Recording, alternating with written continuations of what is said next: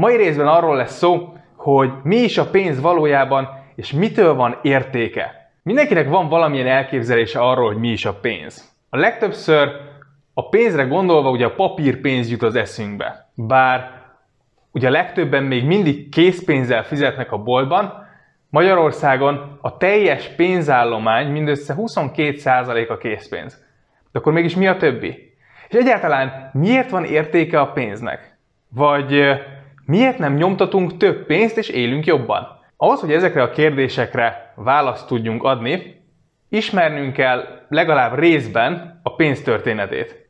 A legtöbben úgy tudják, hogy a pénz megjelenése előtt az emberek a, az árukat elcserélték egymással, úgynevezett cserekereskedelmet folytattak. Ugye egy mázsa búzát, három csirkére mondjuk. Erre azonban nincs bizonyíték, és ami valószínűbb, hogy az ilyen társadalmakban inkább ajándékozásról és kölcsönadásról beszélhetünk. Ha volt is csere, akkor az csak idegenek és az ellenségek között főként. De bárhogy is volt, lényeg, hogy nem volt túl hatékony, hiszen mi van, hogyha a másik félnek nem kell éppen búza, vagy olyasmit kellene visszaadnom, amiből mondjuk nekem is kevés van. Egyáltalán hogyan lehetnének összehasonlíthatóak a dolgok, hogyha nincsen egy egységes árazási rendszer. Nem mellesleg mindenkinek mindenből termelnie kellett, mivel egyszerűen nem volt a mai értelemben megszokott kereskedelem és piac. Kellett valami köztes, értékálló eszköz tehát, amire minden áru átváltható, és amiben össze lehetett hasonlítani az értékeket. No de mi legyen ez? Egy ökör? Na náhogy nem, hiszen ki akarna ökrökben számolni, ugye? Meglehetősen nehéz zsebre tenni, és visszaadni belőle is elég nehézkes, ugye? Bár sokáig használták az árukat egyébként, például a búzát is pénzként, idővel ennél valami praktikusabbra volt szükség. Valamire, ami, ami könnyen szállítható, ami tárolható, és persze ritka. Hiszen ugye, hogyha könnyű lenne beszerezni, akkor nem lenne értéke, ugye? Kezdetben használtak ilyen célra például kagylókat, de ezeket idővel felváltották a nemes fémek, és megjelentek az első érmék, mint ugye praktikus fizetőeszközök. Ezeknek önmagukban volt értékük, mivel maga ugye az anyag volt értékes, és az anyag volt ritka. Azonban megjelent egy másfajta pénz is, a hitelpénz. Mint egy időszámításunk előtt 3000-ben Mezopotámiában jelent meg a pénznek ez a következő generációja. A földművesek a helyi templomokban ugyanis leadhatták a gabonájukat, amiért cserébe egy agyaktáblára írt igazolást kaptak. Ez az igazolás megtestesítette a mögöttes árut, így ugyanazt az értéket képviselte, és elfogadható volt fizetőeszközként. Megjelent tehát az első papírpénz, és megjelentek a hitelek. Egyébként ez a templom irányította akkoriban a kereskedelem jelentős részét, és ez a templom intézte a finanszírozást is. Ezért hát nyilván fontos volt, hogy tudják, hogy kitartozik kinek és mennyivel egy új találmány tette lehetővé mindezt, ami nem más volt, mint az írás. Nagyon érdekes, nem? Hogy ha valójában jobban utána nézel, akkor rájössz, hogy a történelem során szinte mindennek köze volt a pénzhez. A nagy felfedezéseket például befektetési alapok, vagy éppen részvénytársaságok finanszírozták, ahogy a háborúkat is nagyon gyakran pénzügyi okokból indították az uralkodók. Mielőtt tovább mennénk, foglaljunk össze, hogy milyen funkciókat kell tudnia ellátni egy pénznek. Az első értékmérő eszköz, tehát kifejezhetjük benne az árakat. Második, csereeszköz, tehát könnyen szállítható, átadható. Harmadik, ez az elvárt fizetési mód, tehát tudom, hogy el fogják fogadni mások, és tudom majd törleszteni például benne az adósságomat. Negyedik, hogy értékálló, tehát lehetővé teszi a vagyon felhalmozását és az értékének megőrzését. Ezek miatt tehát nem szabad, hogy könnyen előállítható legyen. Nem lehet túl nagy, nem romolhat meg. És biztosnak kell lennem benne, hogy mások is el fogják fogadni, amikor majd én azt ugye tovább akarom adni. A legtöbb helyen az arany és az ezüst lett a fő fizetési eszköz, főként igaz ez ugye a, a nemzetközi kereskedelemben. De Megjelentek azért helyi pénzek is, és használtak rezet is például bizonyos helyeken. A történelem során számos alkalommal előfordult, hogy Az uralkodó egy kicsit több pénzt szeretett volna, mint amennyi a kincstárban volt, vagy mind amennyi rendelkezésre állt. Általában azért, mert a felelőtlen költekezés, a nagy pénzszórás vagy a háborúzás kimerítette a kincstárat. Ilyenkor a pénzrontás eszközéhez nyúltak, vagyis a meglévő pénzeket értéktelenítették el. Erre több módszer is volt, például a pénzeket egyszerűen körbevágták, így azok ugye kisebbek lettek, és a levágott darabokból pedig új pénzeket vertek. Vagy simán csak beolvasztották őket, és egyszerűen csökkentették a nemes fém tartalmukat. Vagy csak fogták, és egy nagyobb számot nyomtak gyakorlatilag ugyanarra az érmére. Ezt ma már tudjuk, hogy nagyon veszélyes játék, hiszen ha több a pénz, és az nem társul megfelelő gazdasági gyarapodással, akkor az nagyon könnyen inflációhoz vezet. Ja, az infláció a pénz elértéktelenedése. Hiába vágjuk ketté mindenki zsebében az aranyérméket, és lesz ezáltal ugye kétszer annyi érme, attól még nem lesz senki gazdagabb, csak kétszer annyi érmét kell majd adni mindenért, ugyanazért a termékért, áruért. Tehát hiába nyomtatunk egy nullával többet mondjuk a tízezresre, ugye attól még nem fognak érte tízszer annyi árut adni. Ez nagyon fontos. Legalábbis, ha túl nyilvánvalóan csináljuk mindezt, és az emberek elveszítik a bizalmukat a pénzben, akkor ez igaz. De erről még lesz szó. Előtérjünk még vissza egy kicsit a, a pénz történetéhez. Ugyanis a 11. századi Song dinasztia alatt megjelentek az első igazi papírpénzek Kínában. A kereskedők a nagy tranzakciókhoz meglehetősen macerásnak látták a részpénzek cipelését, és leleményes vállalkozók kitalálták, hogy ők majd őrzik a nehéz érméket, helyettük pedig egy papírt bocsátanak ki, egy igazolást, amit a kereskedők elvihetnek magukkal, és elcserélhetik árura.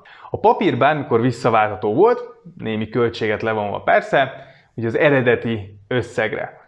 Ezek a létesítmények amolyan bankként működtek, és az első ilyen papírok mintegy 25 kg részpénzt értek.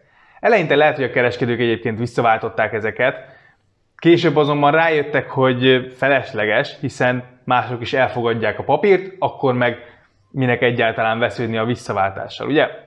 A papír tehát bekerült a kereskedelmi körforgásba, és fizetőeszközként funkcionált. Később több hasonló szolgáltatás nyújtó cég is megjelent, míg a papírpénzek a pénzforgalom igen jelentős részét kitették már. A kormánynak persze megtetszett az ötlet, így rátette a kezét a papírpénz létrehozásának eszközére, és állami hatáskörbe helyezte azt. Ahogy ez a történelemben később is számtalanszor előfordult, itt is több pénzt kezdtek el nyomtatni, mint amennyi rész volt valójában a raktárakban, hiszen úgysem váltotta vissza azokat senki. Ez pedig komoly inflációhoz vezetett.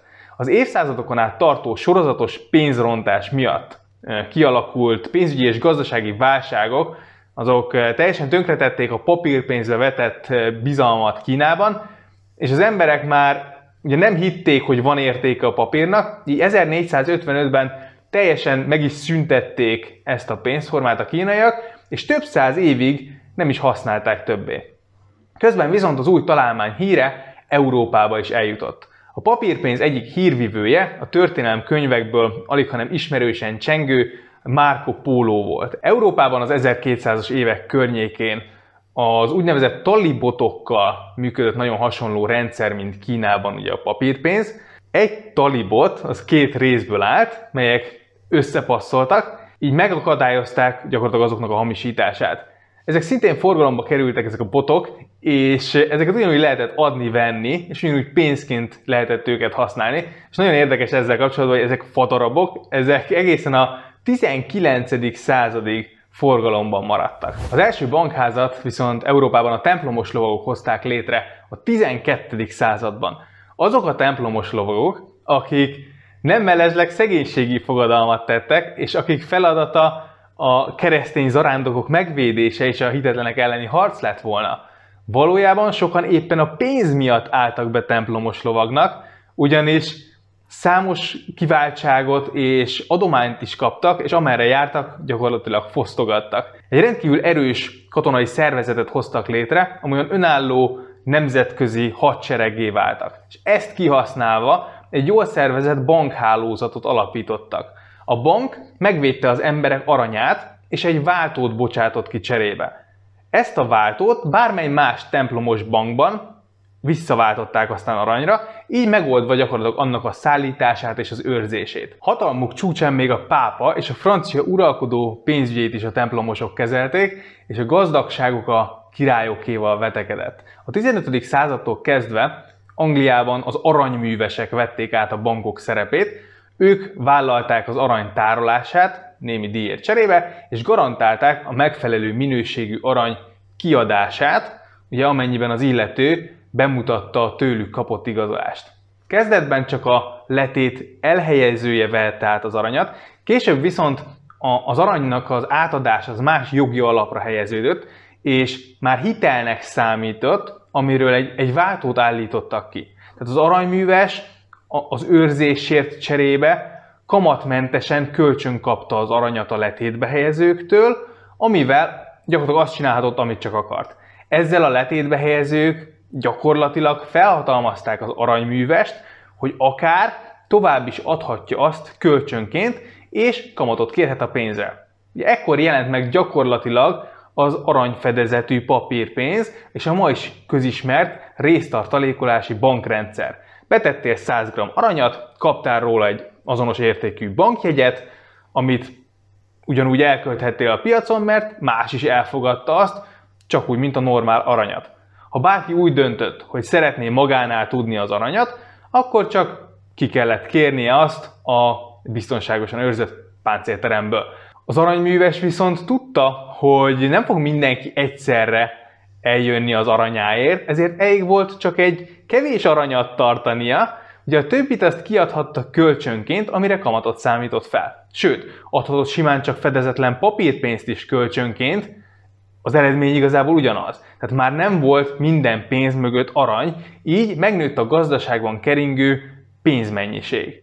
Ekkor született meg a hitelen alapuló pénzrendszer. A rendszer hibája természetesen, hogy ha megrendül a bizalom, és egyszerre mennek az emberek ugye a pénzükért, akkor valójában azt nem tudja kifizetni a bank az embereknek, hiszen nincs annyi pénz.